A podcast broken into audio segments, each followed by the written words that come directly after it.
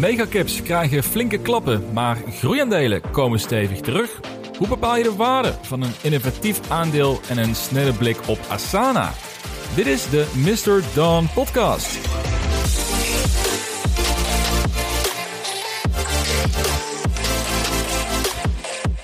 Welkom bij de Mr. Dawn Podcast, jouw wekelijkse postje inspiratie over beleggen in innovatieve groeiaandelen. En in deze aflevering ga ik weer uh, drie onderwerpen met je bespreken.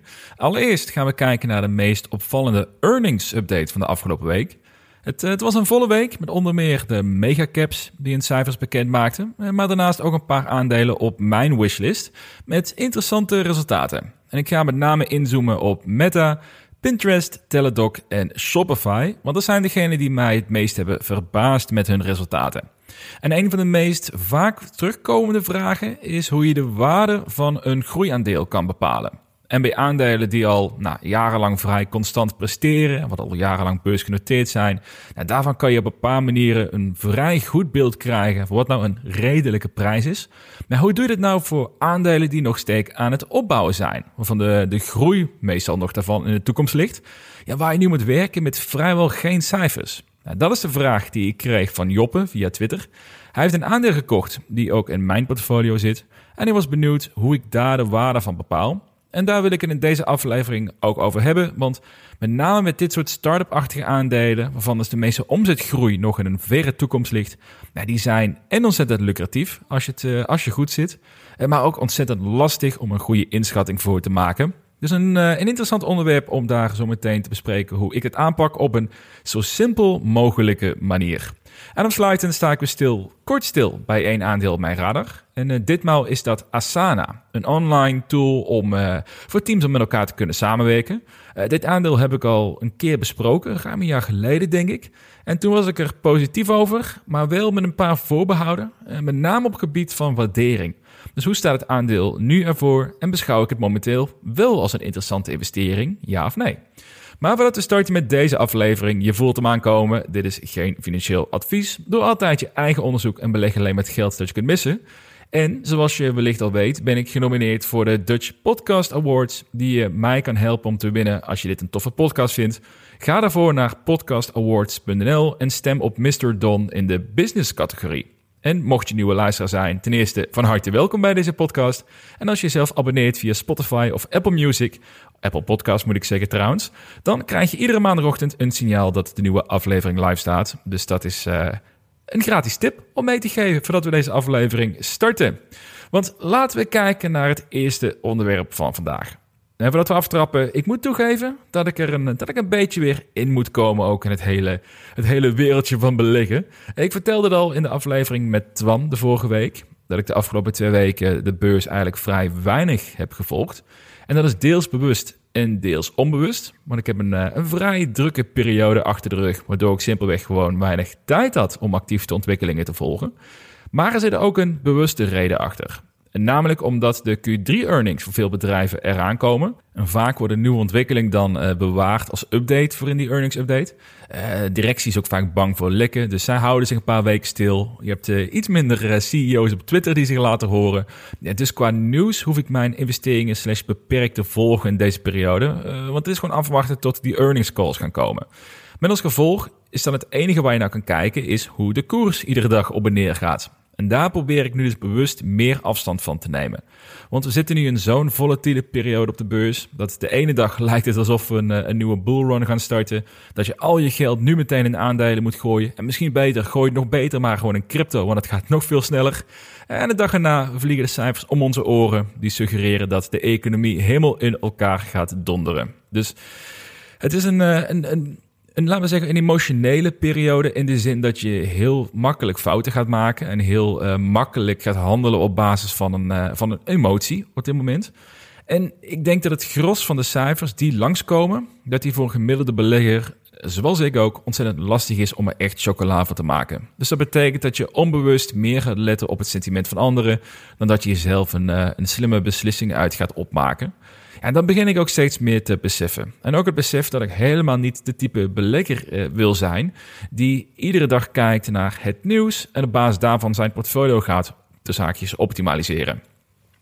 En ik zeg het ook iedere keer dat ik wil beleggen in aandelen met een horizon van minimaal vijf jaar vooruit. En ik weet dat het iets is wat heel veel beleggers zeggen. Uh, want zo worden we ook vanaf de, eerste cursus of het eerste boek wat je leest over beleggen, zo worden we ook, uh, ook opgeleid, zou je mogen stellen. Beleggen doe je voor de langere termijn. Uh, kijk niet naar de dagkoers. gooi je nog een paar mooie quotes van Warren Buffett tegenaan. En voilà, we zijn lange termijn beleggers met z'n allen. Maar in de praktijk blijkt vaak het tegenovergestelde. Beleggers hebben in de historie van de stockmarket niet eerder zo kort hun aandelen vastgehouden. Volgens mij is dat nu slechts vier of vier en half maanden, geloof ik, dan een belegger gemiddeld een positie vasthoudt. Ja, of kijk naar een ARK Invest van Cathy Wood, die iedere keer benoemen hoe gefocust ze zijn op de lange termijn, maar sommige posities al na een paar maanden compleet verkopen. En ook omdat er zo ontzettend veel data beschikbaar is, met gewoon snelle mobiele apps die ons uh, het grootste deel van de dag de kans bieden om ook echt te gaan handelen. Ja, daardoor is het wel heel verleidelijk geworden om veel actiever te zijn als belegger. En ik denk als je hiervan bewust bent, en als je teruggaat naar wat jouw oorspronkelijke plan was om te doen met beleggen, dat dat al eh, ontzettend kan helpen. Dus in dat kader heb ik dus ook voor mezelf bewust meer afstand genomen van de beurs in de afgelopen weken. Ondanks dat mijn resultaten vooralsnog uh, vrij bagger zijn, ben ik er ergens wel trots op dat ik mijn aandelen wel voor de langere tijd kan vasthouden. En dat ik het niet alleen zeg dat ik voor de lange termijn beleg, uh, want dit is ook een beetje de stijl die ik met deze podcast natuurlijk wil uitstralen. En als het daarvoor nodig is om soms even uit te checken als dat helpt om weer uh, heldere gedachten te krijgen, dan is het denk ik iets wat ontzettend waardevol kan zijn.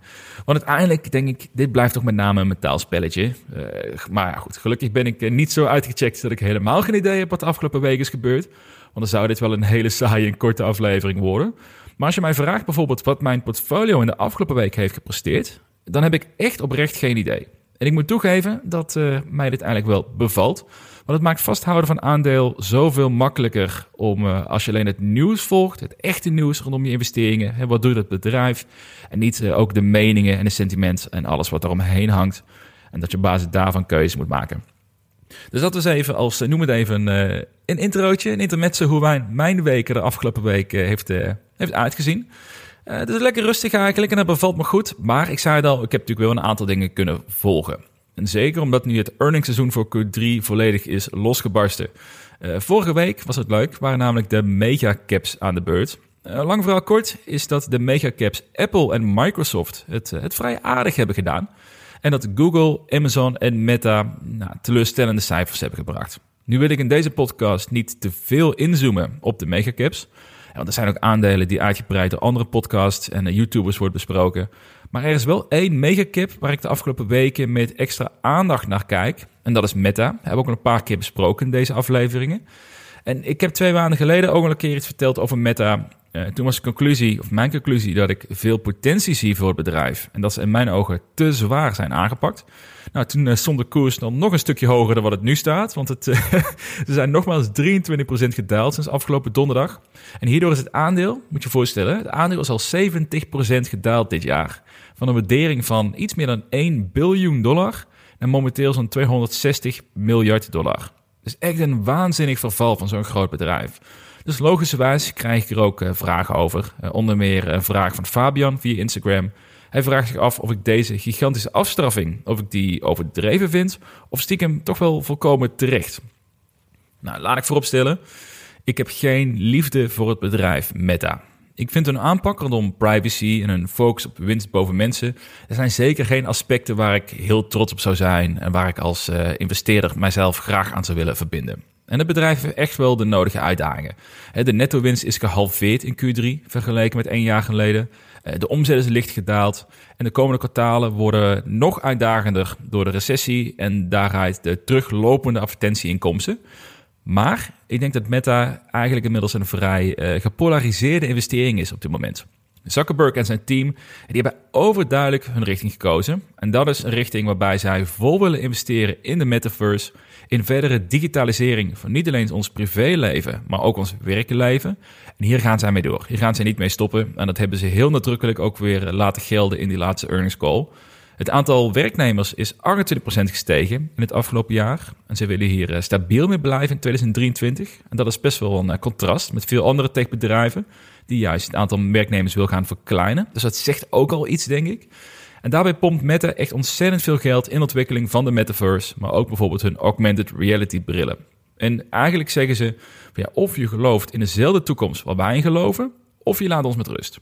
En beleggers lijken vooralsnog niet te geloven in de, in de visie van Zuckerberg en drukken echt massaal op de verkoopknop van hun meta-aandelen. Dus ja, terugkomend op de vraag van Fabian, is dit een terechte afstraffing, ja of nee? Ik denk dat we het aandeel Meta anders moeten gaan bekijken dan de afgelopen vijf jaar het geval was. We kennen Meta als een, uh, als een sterk winstgevend bedrijf, hoge cashflow, uh, die met name waarde toevoegt voor aandeelhouders door veel aandelen terug te kopen van de markt, waardoor de koers weer gaat stijgen. Nou, dat was het verleden, het oude Meta, laat ik het zo zeggen. Het nieuwe Meta is een bedrijf die leunt op een stabiele legacy business, de advertentieinkomsten uit Facebook en uit Instagram, maar met een toekomst die veel meer tech-based is dan dat voorheen was. Meta wil niet een social media bedrijf blijven. Zij willen concurreren met Apple, met Google. En ze willen de nieuwe digitale toekomst vormgeven. Ja, dat doe je niet als een zijproject, maar zij zeker niet. Zij doen het als een belangrijk speerpunt voor de toekomst van Meta voor de komende tien jaar. Dus de hele case als belegger die verandert hierdoor. Van een solide, sterk winstgevend aandeel met een redelijke groei naar een toekomstig potentiële techgigant in een sterk groeiende digitale wereld met forse investeringen die erbij komen kijken. En die kunnen zij zich verantwoorden vanuit een social media eh, legacy business. Maar de vraag is eigenlijk, geloof jij erin dat Meta de toekomst kan helpen bouwen? En geloof jij in die toekomst van de metaverse en de augmented en virtual reality? Zo nee, dan is dit niet meer het aandeel voor jou. Dan zou ik er ver van weg blijven. Want dit is een aandeel waar je echt vertrouwen voor moet hebben en waar je de toekomst van waar de, waar, de, tech heen gaat moet willen begrijpen en moet willen zien ook. En als het niet zo is, dan is het overduidelijk geen aandeel waar je in moet roeren. Want er, gaan echt nog wel wat eh, problemen aankomen de komende jaren als investeerders in, in Meta, denk ik. Maar als je denkt dat Meta het wel voor elkaar gaat krijgen, als ze wel het grote techbedrijf van de toekomst kunnen worden door de focus die zij nu op het richten zijn, als een van de enigen zijn ze zich zo zwaar aan het investeren in die markten, ja, dan zou in mijn beleving Meta wel eens een van de beste megacap investeringen kunnen zijn van dit moment. Want als zij erin slagen om succesvol te worden, dan denk ik dat dit binnen vijf tot tien jaar weer een van de vijf meest waardevolle bedrijven op de beurs gaat zijn. En daar ben ik van overtuigd. Het enige grote vraagteken, en dat is wel een best wel belangrijk vraagteken, dat is is Zuckerberg. Ja, was het afgelopen jaar was hij natuurlijk met name succesvol door de, overname van Instagram en van Snapchat en, uh, Snapchat en van uh, WhatsApp natuurlijk. Uh, maar ook het kopiëren van populaire functies zoals Snapchat Stories bijvoorbeeld. Maar kan je ook iets nieuws bouwen zonder zogezegd geïnspireerd te worden door, door anderen? En dat is wel een twijfel die ik heb, want dat hebben ze eigenlijk niet meer laten zien sinds de oorspronkelijke opbouw van Facebook. En de rest is toch veel copy-paste gedrag en veel naapen. En nou, echt iets nieuws bouwen in een wereld die nog weinig mensen begrijpen. Ik ben benieuwd of Zuckerberg en zijn team dat, uh, dat kunnen. Maar goed, het blijft wel denk ik een ontzettend interessant aandeel om de komende jaren te gaan volgen. Maar er waren nog een drietal bedrijven die ik echt uh, opvallend vond presteren. En dat waren uh, Teladoc, Shopify en Pinterest. En Teladoc ja, ik, ik, het blijft een mooi verhaal met Teladoc. Het is een aandeel die ik altijd zal onthouden. Uh, het was mijn eerste hoge overtuiging die ik heb moeten verkopen... nadat het managementteam zich niet aan een woord heeft gehouden. Het was ook de allereerste keer dat ik een grote positie heb verkocht... direct de dag na hun earnings update. En dat is traditioneel voor Teladoc vragen om problemen. Maar ik meen dat zij uh, praktisch na iedere kwartaalupdate de koers in elkaar zien donderen. En behalve, behalve dus de afgelopen week... toen Teladoc hun Q3-cijfers presenteerde... De koers steeg in de afgelopen vijf dagen met 22%, waardoor het weer rond de 30 dollar staat. Nou, nog steeds uh, ver beneden de hoogste koers van het afgelopen jaar. Dat was uh, bijna 160 dollar. Dus de meeste Teladoc-beleggers zullen nog steeds helaas fors in het rood staan, vermoed ik. Maar dit is dus wel een, um, een trendbreuk als je kijkt naar de koersbeweging. En dat maakt me wel nieuwsgierig om te lezen waarom deze positievere, een beetje, uh, nou, uh, laten we ook niet overdrijven, maar een positievere vibe is ontstaan. En het blijkt dat Teladoc eindelijk iets aan het stabiliseren lijkt na een paar uh, moeilijke kwartalen. De resultaten zijn nog steeds niet verbluffend. ze maken een omzetgroei van 17% en nog steeds forse verliezen. niet meer zo belachelijk als de vorige kwartalen, maar het is nog steeds pittig. Maar ja, omdat het bedrijf en het aandeel met name zo fors is afgestraft in het afgelopen jaar, wordt natuurlijk wel steeds makkelijker om een relatief goede investering te blijken. En als ze kleine stapjes vooruit blijven maken, zoals ze nu aantonen door een, een lichte groei in de EBITDA-marges bijvoorbeeld, en ook een hogere omzet per gebruiker, Ja, dan zouden we wellicht langzaam mogen gaan concluderen dat de grootste problemen en de grootste verrassingen tot het verleden gaan behoren. Nou, persoonlijk wil ik nog minstens één kwartaal afwachten om te zien of ze deze trend kunnen doorzetten. Zo ja, dan zou ik mogelijk wel weer geïnteresseerd kunnen raken in Teledoc. Want ik geloof nog steeds sterk in de toekomst van telehealth. En zeker met de, de ouder wordende wereldbevolking en ook de behoefte aan medische zorg die zij hebben, denk ik dat telehealth commercieel ontzettend interessant kan worden, maar ook daadwerkelijk bijdraagt aan het verbeteren van de levenskwaliteit van mensen. En dat is een combinatie waar ik eh, met name naar op zoek ben. En dat lijkt Teledoc op papier wel te kunnen bieden, maar zoals ik zei, ik ben teleurgesteld geraakt in het vorige kwartaal-update, een half jaar geleden. Uh, het managementteam heeft echt iets te bewijzen bij mij nog, voordat ik daar weer opnieuw mijn uh, hardverdiende geld in wil investeren. maar ik ga het wel in de gaten houden. Het is in ieder geval een positieve eerste stap, denk ik.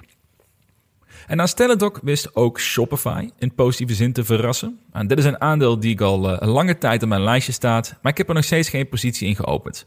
En ik, ik zat het rapport te lezen, ik zag het langskomen dat het aandeel uh, flink gestegen was op, op de, tijdens de earnings day, of de dag na earnings. En uh, ik herinnerde mij een verhaal. Ik zat laat in de auto terug van werk ik zag de koers uh, van Shopify fors, uh, dat die fors aan het dalen was. Ik meen dat de koers die dag rond de 24 dollar stond. En ik heb Shopify al een tijdje op het oog. Dus ik besloot om in de auto een, een podcast op te zetten met de CEO van Shopify, Tobias Lupke. Met het idee dat dit mij allicht zou helpen voor net die laatste overtuiging om een positie te willen openen. Nou, het was een prima verhaal. Ik kan zijn visie goed volgen. Ik ben overal positief over het bedrijf Shopify. En goed om te weten ook, ik heb een lijst met zo'n 20 aandelen met een buy, met een nee, hoe heet het nou? Een must-buy prijs. Zo noem ik het. Een must-buy prijs erachter. Dus uh, het idee erachter is, als, het, als die aangetikt wordt en ik ben er steeds positiever over, dan moet ik het aandeel kopen van mezelf. Uh, maar ik moet toegeven dat dat op papier wat beter werkt dan uh, op het moment dat de hele beurs aan elkaar dondert. En je denkt, en je moet gaan kiezen waar je geld in investeert. Maar hier zet ik dus wel al mijn aandelen bij waar ik enthousiast over ben. Eh, met een koersdoel op basis van eerdere berekeningen. Zodat ik in theorie rationeel kan kopen zoals het raad onder een bepaalde koers komt. Zonder bang te hoeven zijn om beïnvloed te worden door emoties. Dus goed, ik zit in de auto. Ik heb het interview geluisterd met, met de CEO. Ik ben enthousiast over Shopify. En ik open mijn Excel. Ik zie de lijst. Ik zie een buyprijs van uh, 27 dollar en een beetje staan. En de koers staat op dat moment op 24 dollar. Dus nog eens 10% onder mijn koopmoment. Ik zei al, ik ben enthousiast. Enthousiast over bedrijf, enthousiast over CEO. Uh, de koers is in mijn ogen aantrekkelijk. Maar de beurs op die dag staat echt felrood. En ik meen dat die dag was dat de Nasdaq iets van min 3 of min 4 procent daalde. En dat iedereen overtuigd was dat er een nieuw dieptepunt aan zou te komen. Een stevig dieptepunt. Ja, dan ga je toch twijfelen. En uh, zeker als je ziet dat al jouw favoriete aandelen uh, min 5 tot min 15 procent staan die dag ja, dan ga je denken van ja, moet ik dan toch het geld stoppen in een nieuwe positie in Shopify? Moet ik misschien mijn huidige posities uitbreiden? Moet ik toch even afwachten, mijn geld gaan sparen? Want het ziet er wel heel, heel depressief uit op dit moment. En ik ben daardoor, eh, dat was een grote fout, ik ben daardoor opnieuw de rekensom gaan maken. Heb ik opnieuw gekeken naar bepaalde metrics, bepaalde resultaten, om te zien of Shopify echt aantrekkelijk was. En toen begon ik te twijfelen. En de groei viel een beetje tegen. Uh, de waardering ten opzichte van de omzet was nog steeds vrij hoog. Uh, het bedrijf is nog steeds verliesgevend. Al die argumenten ging ik weer gebruiken om uiteindelijk een keuze te maken om niet te hoeven investeren in Shopify. Terwijl ik juist die week had ik ook eens een keer uitgesproken op Twitter dat ik uh, meer geld wilde gaan investeren in uh, winstgevende groeiaandelen. En toen heb ik uiteindelijk heb ik besloten, uh, alles afwegende, om met geld met name op zak te houden. Klein bedragje bij te kopen in AST, Space Mobile en Origin. Ook niet bepaald twee winstgevende aandelen, maar wel twee posities die ik bewust aan het opbouwen ben. En toen heb ik besloten om nog geen positie te openen in Shopify. En zo zie je maar weer achteraf nu een maandje later, denk ik, uh, hoe belangrijk het is om een, uh, enerzijds om een wishlist te hebben met een buyprijs, maar er ook gewoon aan, aan, te houden. Zeker als je weet dat je, dat je huiswerk hebt gedaan en dat je positief bent over het bedrijf aan zich. Uh, dan moet je misschien ook soms gewoon ogen dicht en kopen op zo'n moment. Zeker als je het aandeel goed kent. want inmiddels is Shopify bijna 40% gestegen vanaf dat moment. En ligt het weer 20% boven mijn koopdoel. Dus nu kan ik rationeel gezien niet meer instappen. En als we kijken naar hun Q3-resultaten, uh, dan zie ik wel degelijk aspecten waar ik blij van zou worden als ik belegger zou zijn geweest in Shopify. De omzet is 22% gestegen in vergelijking met vorig jaar. In lastige omstandigheden, dus dat is echt ontzettend knap. Hun uh, verlies is flink beperkt. Maar blijft wel moeite houden om een pad naar winstgevendheid te vinden. Dat is wel een dingetje. Maar wat mij zo aanspreekt aan het bedrijf is hoe vooruitstrevend ze zijn. Zowel qua hun producten, onder meer door NFT's te integreren in een platform, waardoor je bijvoorbeeld als NFT-houder van een bepaalde webshop extra korting kan krijgen of unieke producten kan bestellen. En misschien voelt misschien een beetje gimmicky voor nu, maar ik geloof persoonlijk wel echt in de toekomst van NFT's. En Shopify weet hier in een bijna start-up-achtig tempo hun product omheen aan te passen. Maar ja, ook hoe zij hun werknemers de kans bieden om eenvoudig een deel van hun salaris om te zetten in aandelen. Dus zij hebben een interne tool ontwikkeld waarmee je direct kan berekenen, eh, simpel door de verhouding salaris en aandelen aan te passen. Daarmee kan je bepalen hoe je jouw compensatie eruit wil hebben zien. En bij een hogere verhouding aandelen eh, wordt je ook weer iets extra aantrekkelijk gemaakt. En iedere werknemer kan dat individueel zichzelf bepalen hoe die verhouding eruit moet zien. En dat zijn kleine dingetjes die mij beseffen dat Spotify begrijpt waar de toekomst heen gaat. En dat maakt dit aandeel eh, wel nog steeds vrij hoog gewaardeerd. Daar moeten we eerlijk over zijn. Ik zei het al, het is nog steeds uh, verliesgevend. Het blijft gewoon een relatief duur aandeel vergeleken met de markt breed. Wat niet altijd even fair is natuurlijk. Maar ondanks de daling van het afgelopen jaar um, zit ik nog steeds te denken van ja, wanneer is nou het moment om in te stappen? Ik denk dat dat moment dus was uh, onder de 27 dollar. Maar je weet nooit waar het heen gaat de komende, komende maanden. Er kan er veel gebeuren. Maar het blijft voor mij wel echt een intrigerend bedrijf. En de resultaten zijn ook echt wel prima. En het geeft in ieder geval reden om het in de gaten te blijven houden. Maar goed, je kunt je voorstellen dat ik het. Uh, dat ik uh, het scenario waar ik lekker in de auto thuis zat en dacht, moet ik nu kopen? En dat ik mezelf daaruit uh, uit het hoofd gepraat heb om de positie te openen. Uh, dat dat nog wel zal blijven leven in mijn herinneringen als een goede learning om gewoon te vertrouwen op eigen inzichten. Dus dat, nou, misschien herken je zelf ook wel zo'n situatie in je eigen ervaring. En dan wil ik nog kijken naar het, het laatste aandeel die vorige week een earnings update gaf. En dat is een aandeel in mijn eigen portfolio. En dat is namelijk Pinterest. En ik blijf erbij dat Pinterest al sinds een IPO op de verkeerde manier wordt ingeschat door beleggers. Het wordt gezien als een social media platform, wordt vergeleken daardoor met Snapchat, Twitter en Meta.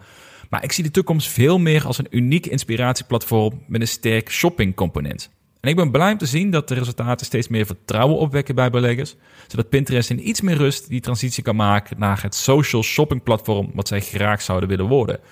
En zo steeg de omzet eh, met 8,2% vergeleken met het afgelopen jaar. Niet gigantisch, maar wel beter dan eh, Google met YouTube en eh, Meta, die hun advertentieinkomsten beide zagen dalen. Eh, ook bleef het aantal gebruikers stabiel, dus dat is een positief signaal.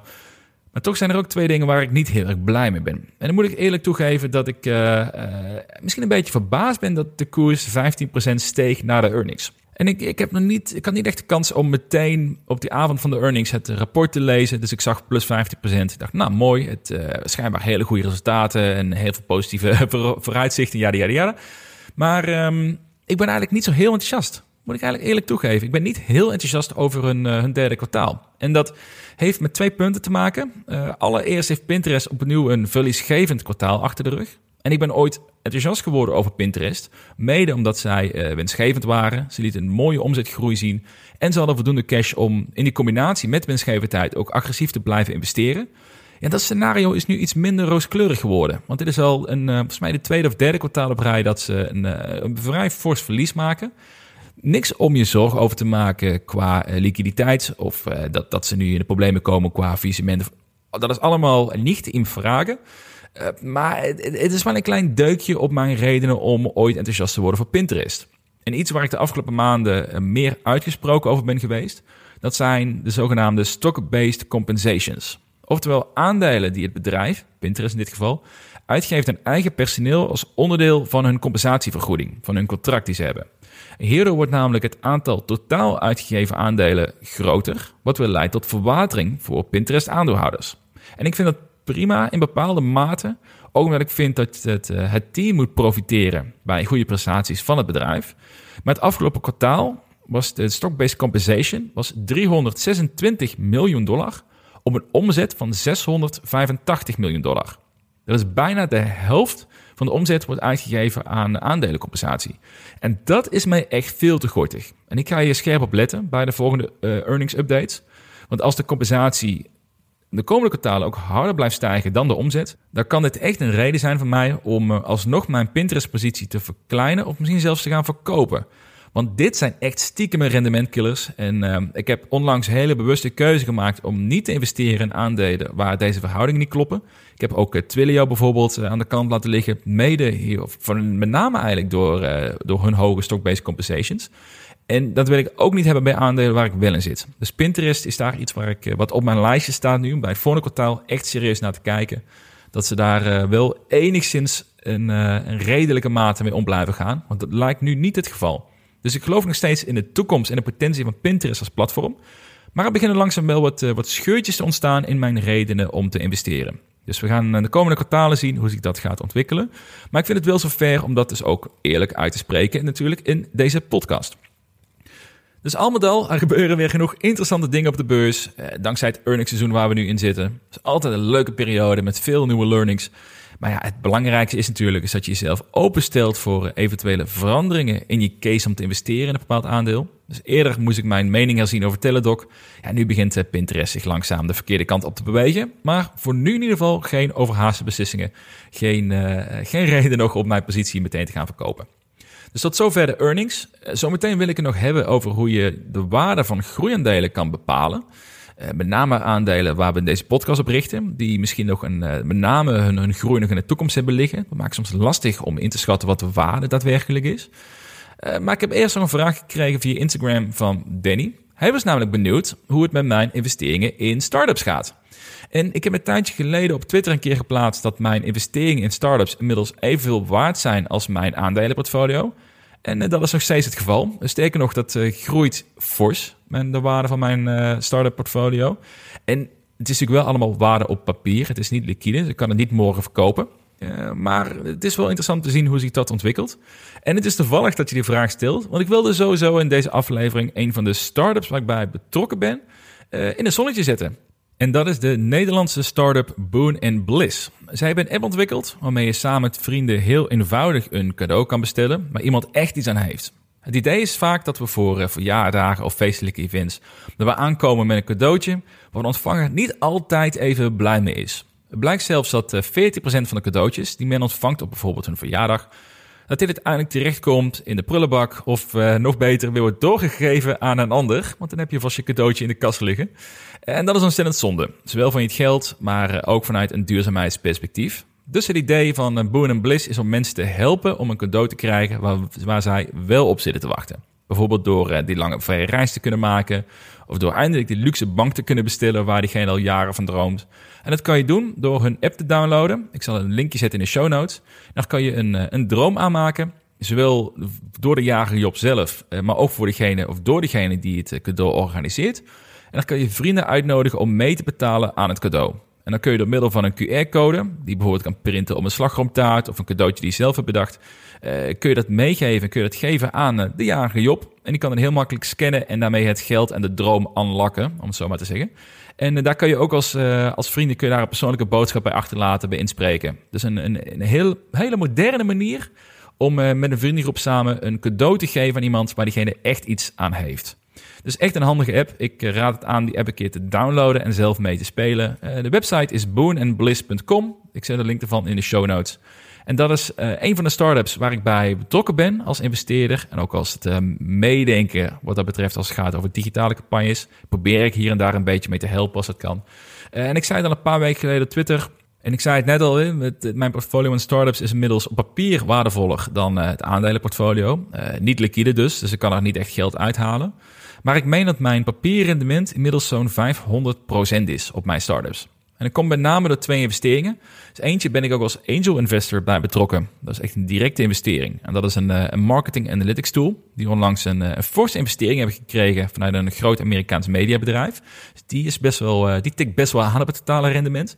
En het tweede bedrijf heb ik gevonden via platform Seeders.com. Dus S-E-E-D-R-S.com. Seedrs.com. Uh, waar je al voor een tientje of minimaal een tientje kan investeren in startups. En waar je ook daadwerkelijk aandelen voor terugkrijgt. Dus geen uh, crowdfunding-achtige insteek waar je eigenlijk meer een lening verstrekt. Daar ben ik uh, persoonlijk helemaal geen fan van. En um, de tweede bedrijf wat zo succesvol gaat tot nu toe, dat is Hydro Wind Energy. Zij focussen zich op groene energie en drinkwater. Dus enerzijds hebben ze hun product genaamd Ocean Hydra, waarmee stroom opgewekt wordt via een systeem op de zee. En anderzijds hebben ze Quency, Een product waarmee je drinkwater maakt van zeewater. Beide ontzettend mooie producten die echt een positieve impact maken op klimaat en voor de mensen zelf. En dit zijn producten die nu volop in ontwikkeling zijn. Maar de waarde van het bedrijf in de afgelopen twee jaar, dat ik heb, uh, ik heb twee jaar geleden geïnvesteerd, meen ik, is gestegen van zo'n 6 miljoen dollar naar inmiddels zo'n 120 miljoen dollar. Dat is een 20x. En de volgende ronde, die wordt nog veel groter. En ook een verwachte IPO op de Amerikaanse beurs volgend jaar. Dus dat is echt ontzettend tof om te volgen. En zo zie je maar toch, eh, de rest van mijn investeringen is vrij stabiel. Er is nog niks failliet gegaan, uh, thank god. Het gaat vast en zeker gebeuren, want ik denk dat um, gemiddeld genomen 30% of zo van die investeringen, die wordt niks waard. En 60% blijft een beetje hangen. Ik moet het echt hebben van die 10% die het bovengemiddeld goed doet. Nou, ik heb geluk dat ik er daar nu uh, twee van heb die, daar, die het heel goed lijken te gaan doen in ieder geval de komende jaren. Maar sowieso wat ik eigenlijk mee wil aangeven, als, als zijn stapje, ik kan het echt iedereen aanraden om te kijken naar dit soort investeringen in startups. Via Seeders.com kan je al laagdrempelig instappen. Dat is echt voor tientjes. Uh, zij doen ook de hele due diligence voor je. Dus je hebt geen moeilijke contracten waar je doorheen moet spitten. Je hebt geen advocaat of niks nodig. Dus het is heel laagdrempelig. En de reden waarom ik er zo uh, enthousiast over ben om het, om het hier ook te kunnen bespreken, is wat het voor jou kan betekenen op basis van de uh, mindset. Dus uh, wat het voor mij gedaan heeft, is ook dat je je leert focussen op de ontwikkelingen van het bedrijf zelf. En minder belang gaat hechten aan de, uh, de koers van een bedrijf of de waardering. Want bij deze investeringen krijg je één keer per maand of soms één keer per kwartaal krijg je een update hoe het gaat met het bedrijf. Welke omzet stijgt er, welke klanten hebben ze toegevoegd, welke productontwikkelingen zijn er, dat soort zaken. Maar je hebt echt geen idee wat, het, de, wat de waarde van het bedrijf zou moeten zijn totdat er een nieuwe financieringsronde wordt opgehaald. Zelfs dan blijft alles papieren winst, totdat je hopelijk ooit een keer uh, krijgt uitbetaald. En dat zorgt ervoor met name dat je veel meer geduld weet te bewaren, ook voor je beleggingen in, uh, op de beurs. En dat één of twee jaar, dat dat begint te voelen als korte termijn. Terwijl de meeste beleggers dat als een, een lange periode zullen vinden. Ik denk als ik, als ik nieuwe beleggers zeg dat je minimaal twee jaar moet wachten totdat je aan je aandelen moet komen, of twee jaar voordat je ook maar iets van je rendement gaat zien, dat uh, veel mensen al denken van nou, uh, laat me zitten, ik stop mijn geld in een crypto, dat gaat veel sneller. Maar uh, niet heel verstandig denk ik als je zo naar kijkt. Maar ja, dat is wel een gegeven van de moderne belegger. En daar kun je natuurlijk het onderscheid maken als je wel op die manier daarna kan kijken. En dat is makkelijker gezegd dan gedaan, maar zo'n investering in startups helpt echt om die mindset meer te kunnen omarmen. Dus ik zou niet eens doen per se voor het rendement. Ik denk dat ik geluk heb gehad nu met een paar investeringen tot nu toe. Uh, maar qua mentaal biedt het zo ontzettend veel waarde om daar naar te kijken. En dan wil ik doorgaan naar het, uh, het volgende segment alweer in deze aflevering. En dat is naar aanleiding van een vraag die ik kreeg van Joppe op Twitter. Hij heeft een aandeel gekocht, die ook onderdeel is van mijn portfolio. En hij vroeg zich af, hoe kun je nou de waarde bepalen van zo'n aandeel? En eerst wilde ik hem een, een uitgebreid epistel sturen via Twitter. Maar dit is allemaal wat ik doe en dit is mijn Excel en ja, ja. Maar um, toen besefte ik mij dat dit waarschijnlijk een vraag is die bij meer luisteraars zal leven. Dit soort aandelen. Dus een, een goed onderwerp om in deze aflevering bij stil te staan. En ik wilde hem eigenlijk wilde ik hem een weekje of twee bewaren. Want ik heb net al behoorlijk wat cijfers genoemd bij de earnings update natuurlijk. En ik ga zo meteen ook wat meer cijfers noemen. Ik probeer het echt zo, zo veel mogelijk te beperken. Uh, ik denk namelijk dat het uh, vooral heel simpel gemaakt moet worden. En ik zal toelichten waarom ik het zo belangrijk vind dat het simpel gehouden wordt. Dus eerst even een stapje terug. Uh, met deze podcast wil ik echt de focus leggen op innoveren of in investeren in innovatieve groeiaandelen. Nou, wat, wat zijn dat dan voor een aandelen, grosso modo? Nou, over het algemeen zijn dit natuurlijk aandelen die uh, met name een sterke visie hebben voor de toekomst.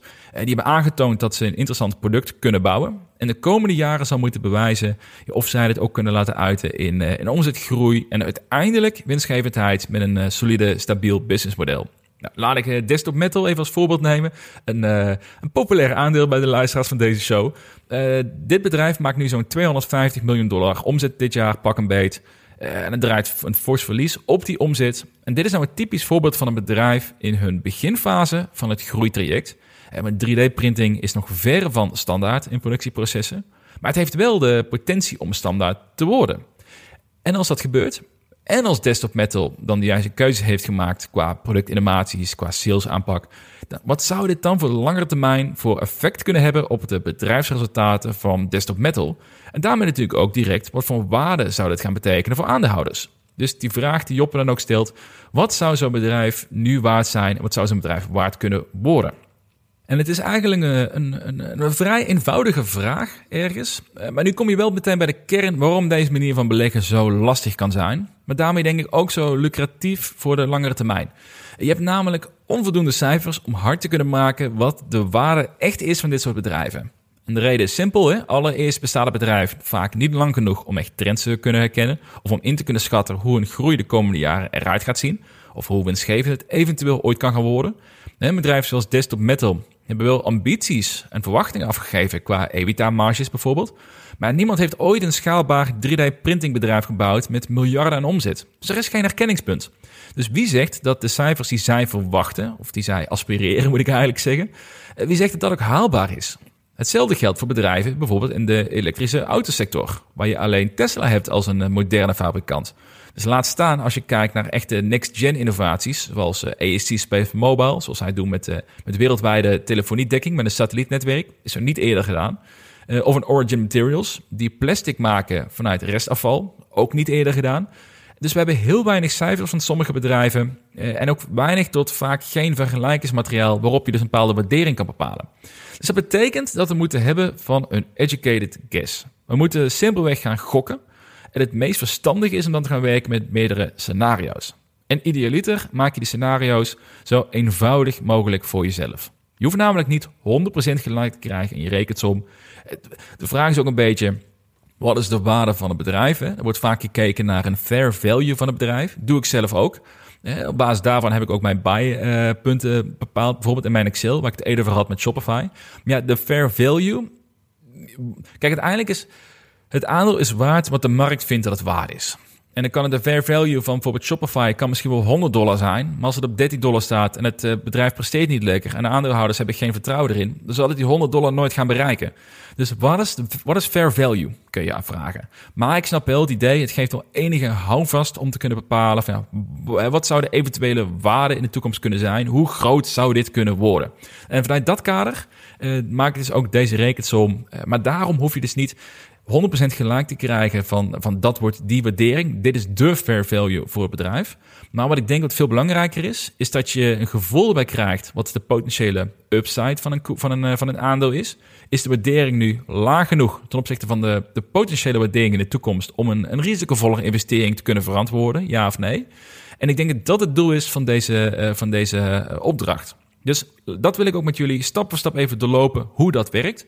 Hoe ik dat doe in ieder geval. En zoals ik zei, ik maak het voor mezelf echt zo simpel mogelijk. Eh, want ik wil gewoon gevoel erbij krijgen en ik hoef er geen hele rocket science van te maken. Dus laten we een uh, rekensom maken. En laten we een rekensom maken voor Canoe. Dit is namelijk het meest makkelijke voorbeeld, omdat zij enigszins hebben afgegeven wat hun verwachtingen zijn voor de komende jaren. Dus wat ik wil weten is hoe ziet hun omzet eruit voor 2025? Daar wil ik mee starten. En dat doe ik op basis van drie scenario's. Dus ik heb een, een normaal scenario. Wordt vaak ook wel base scenario genoemd. Nou, ik noem het gewoon even normaal scenario. Je hebt een bearish scenario, wat als het uh, dingen fout gaan. En je hebt een bullish scenario, wat als dingen veel beter gaan dan mensen nu durven te verwachten. Dus ik wil kijken naar uh, potentiële omzet. Dan wil ik kijken naar de EBITDA-marges die eruit komen. En dat kan ik uiteindelijk terugrekenen naar een soort gemiddeld rendement, gemiddelde waardering over de periode heen. Dus dat klinkt ingewikkeld, maar dat is het zeker niet. Uh, nogmaals, je wil een richting hebben voor jezelf en geen zekerheid. Dus laat ik je uh, voor Canoe er doorheen lopen, hoe dat voor mij, voor mijn rekensom eruit ziet. Nou, Canoe heeft een paar kwartalen geleden hebben zij een forecast afgegeven voor 2025. Dat maakt dit een uh, wat, wat makkelijker om een rekensom op te maken, want ze hebben het zelf uitgesproken wat zij verwachten. En dat is dat zij 75.000 auto's dat jaar willen gaan, wil gaan produceren. Dat is het uitgangspunt bij een normaal scenario. De afgelopen maanden eh, hebben ze al deals aangekondigd voor zo'n 20.000 verkochte auto's. Uh, we zitten nog vier jaar voor die periode, of drie jaar voor die periode. Ik durf veel te stellen dat er uh, meer dan voldoende vraag zal zijn om die 75.000 auto's die ze willen gaan produceren, dat die ook daadwerkelijk gaan worden verkocht. Dat, dat, bij elektrische auto's is het geen, uh, geen um, vraag, wat, geen, niet de uitdaging wat de vraag gaat zijn naar de auto's. Het is de, de vraag wat het aanbod gaat zijn van die auto's. Dus er is meer vraag dan aanbod. Dat wil ik op een hele simpele manier eigenlijk duidelijk hebben. Dus we hebben hier met name de uitdaging qua productie. Nou, laten we dit verwerken in die drie scenario's. Dus een normaal scenario is dat het hen gaat lukken om die 75.000 auto's op te leveren. Een bearish scenario is dat er fouten optreden, eh, dat de productie lager is dan verwacht. Laten we zeggen dat er iets meer dan de helft ervan geleverd worden. Dus zo'n 40.000 auto's. En in het meest positieve scenario, dan is de vraag zo hoog dat Canoe extra productie heeft kunnen verzorgen dat zij 120.000 auto's kunnen opleveren dat jaar. Nou, dat zijn de drie scenario's. Een Canoe-auto zal gemiddeld zo'n 35.000 dollar kosten, pak een beet. Dus dat komt neer bij een bear scenario op 1,4 eh, miljard dollar omzet. In een normaal scenario is dat 2,6 miljard dollar omzet. En bij een bullish scenario 4,2 miljard omzet. Heel simpel, het aantal verwachte auto's maal de prijs per auto. Dus uh, een basisrekensom. Dat is de omzet. Laten we kijken dan naar de EBITDA-marges. En als ik daarmee de vergelijking maak met, eh, met Tesla bijvoorbeeld, die als EV-bedrijf misschien wel dichtst in de buurt komt van Canoe, zij hebben het afgelopen kwartaal of afgelopen kwartalen een EBITDA-marge rond de 20% gehaald. Nou, ook dit zou je weer in drie scenario's kunnen opdelen, dat je met een hogere en lagere EBITDA-marges gaat rekenen. Maar gemakshalve laat ik even één EBITDA-marge kiezen voor alle drie de scenario's in dit voorbeeld. Nou, Tesla, moet wel toegeven, is inmiddels al eh, vele jaren onderweg, heeft productieproblemen opgelost, uh, ze hebben een sterk merk, unieke positie in de markt. Dus dat is niet per se ene been een eerlijk vergelijk voor Canoe in 2025. Dus als we kijken naar meer de, opbouwjaren van Tesla, toen lag een EBITDA rond de 5 à 10 procent. Dus laat ik 7,5% gemiddelde daarvan, 7,5% EBITDA marges aanhouden voor Canoe in 2025. Dat is zeker niet overdreven hoog. Dus dat betekent dat ik de EBITDA, de 7,5% voor alle drie de scenario's ga volgen. Dat betekent voor de bear scenario is in 2025 een EBITDA van 105 miljoen dollar. Normaal scenario is 195 miljoen dollar, bijna 200 miljoen dus. En bij bullish scenario is het 315 miljoen dollar EBITDA. Nou, nu gaan we kijken naar wat nou een redelijke waardering is. En dat is een koersdoel van dit bedrijf. Uh, Tesla's waardering is 44 keer de EBITDA. Nou, ik denk wel dat Tesla echt een uitzondering is op de beurs. Uh, met een extreem trouwe beleggersaanhang. Nou, als we kijken naar General Motors, uh, ook een groot automotive merk, natuurlijk veel conservatiever of traditioneler moet ik zeggen. Zij hebben een, een ratio van 8 keer de EBITDA. Nou, je kunt bijvoorbeeld heel simpelweg de EV to EBITDA marges kun je googlen van concurrenten en daar een, een cijfer aanhouden die je enigszins redelijk kan onderbouwen, wat het erbij klopt. Dus daar kun je uitzoeken waar je het mee wil vergelijken, ook als andere bedrijven wil analyseren. En laten we ook hier enigszins conservatief in zijn en stellen dat Canoe een ratio van 12 mag aanhouden. Iets meer dan General Motors, eh, maar wel echt ver lager dan, uh, dan Tesla.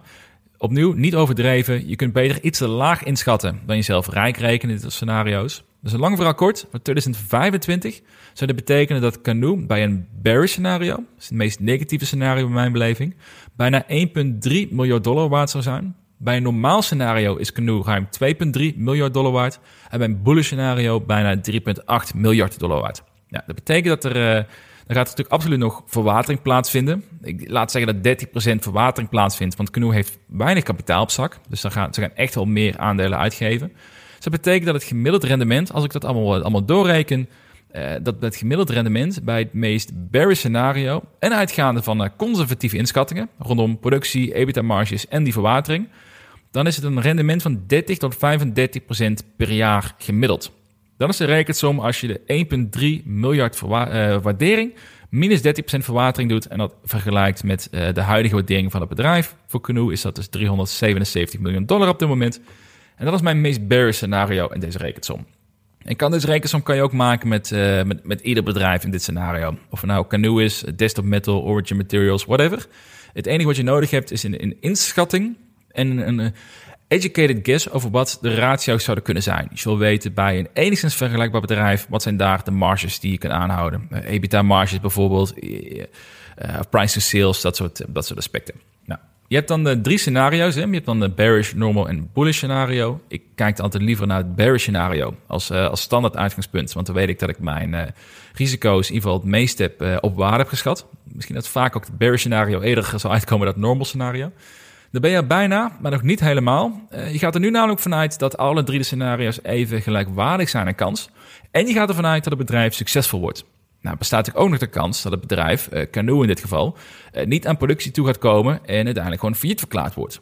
Nou, dan ben je je hele investering uiteraard kwijt. Dus dat scenario is er ook nog. Dat is een reëel risico bij dit soort bedrijven. Dus je hebt vier scenario's met deze erbij. Dus deze vier zet je onder elkaar op papier met het verwachte rendement ernaast. En dan zet je erbij hoe hoog je de kans acht dat ieder scenario gaat gebeuren. Nou, persoonlijk reken ik bijvoorbeeld erop dat 20% kans dat Canoe failliet gaat voor 2025 Ik schat de kans 45% dat zij in een bearish scenario uit gaan komen. Want productie voor automerken is echt een enorme uitdaging die je niet moet, uh, moet onderschatten. Ik schat het normale scenario, zeg maar hun forecast in, op 25% dat het waarheid gaat worden. En 10% kans voor het meest bullish scenario. En dat is op basis van de inzichten die ik heb in het bedrijf. Ik heb natuurlijk Canoe is wel een aandeel waar ik, die ik echt al uh, twee jaar intensief volg. Dus ik kan een, een, echt wel een redelijke educated guess maken op dit gebied.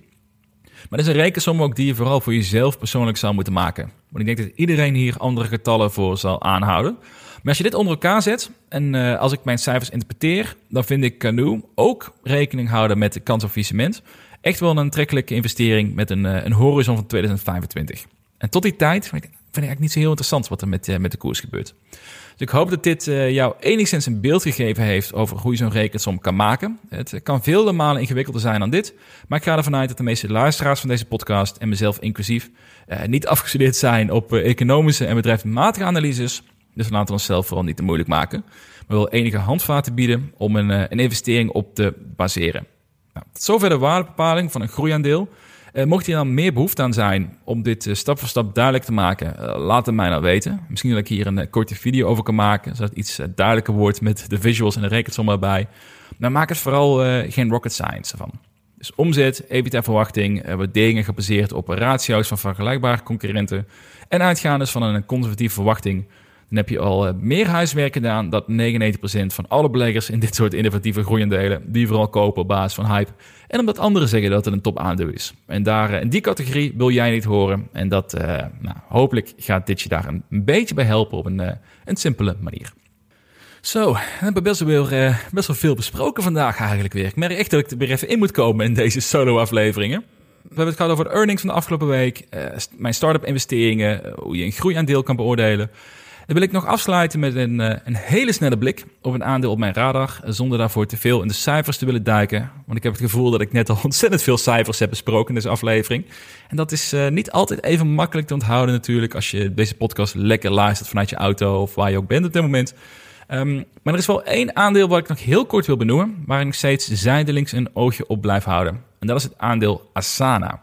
En dit is een online projectmanagement tool waarmee je teams eenvoudig wereldwijd en moeiteloos met elkaar kunnen samenwerken. En ik heb een uh, ruim een jaar geleden al eens een analyse gedeeld over Asana. Uh, destijds echt uitgebreid met een blik op een managementteam en cijfers.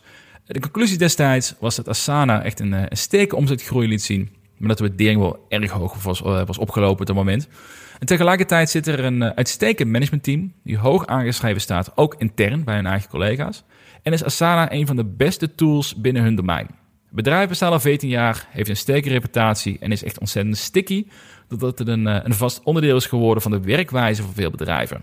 En met de bruto marges van bijna 90% ligt er meer dan genoeg potentie in de toekomst om hun cashflow ook op een, uh, op een andere manier te benutten, terwijl ze nu nog vol in een investerings- en in een hypergrowth modus zitten. Mijn uitdaging destijds met Asana, dat was de hoge waardering. Het bedrijf was destijds gewaardeerd op 35 keer de verwachte omzet van 2021 destijds. Nou, die ratio is in het afgelopen jaar uh, echt enorm gedaald. Enerzijds zodat Asana sterk in omzet is blijven groeien, maar natuurlijk ook omdat de koers fors is gedaald. Een jaar geleden stond de koers op 120 eh, dollar. Inmiddels staan ze op 20 dollar. Dus echt een enorme daling van de waardering in de afgelopen 12 maanden. Vandaar dat het mij interessant lijkt om hier eh, binnenkort weer een nieuwe blik op te gaan werpen. Maar wat mij is opgevallen met een snelle blik is dat Asana nog steeds ontzettend hard aan het groeien is. Eh, de omzet steeg het afgelopen kwartaal met 50% vergeleken met vorig jaar.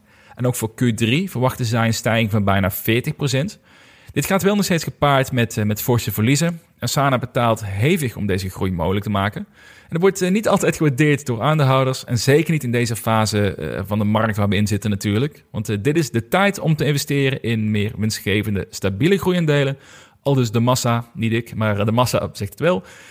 Dus bedrijven zoals Asana, die krijgen het gewoon zwaar te verduren. En dat is ook te merken geweest in de koers natuurlijk. Maar tegelijkertijd zie ik in Asana wel echt een potentieel interessant aandeel voor beleggers die dus wederom verder kunnen kijken dan een paar kwartalen vooruit.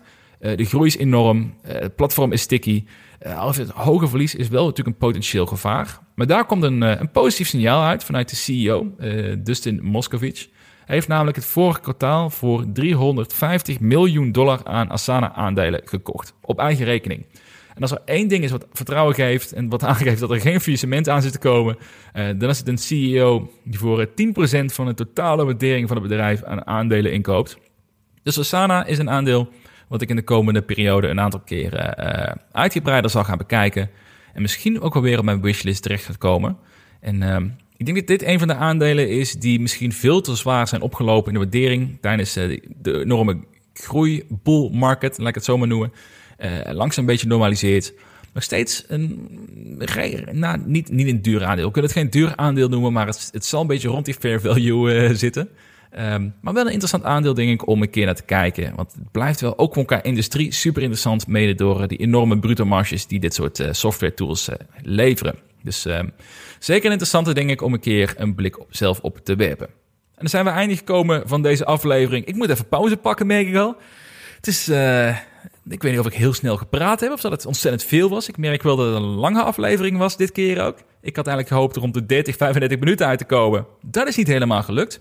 Dus uh, nou, lekker dan. En, maar ik hoop wel dat het interessant was. En dat je weer iets hebt kunnen leren of dat je wat inzicht hebt gekregen waar je, waar je blij mee gaat zijn. Uh, volgende week ben ik weer samen met een uh, nieuwe aflevering, samen met Twan. Dus voor nu bedankt voor het luisteren en graag tot de volgende week.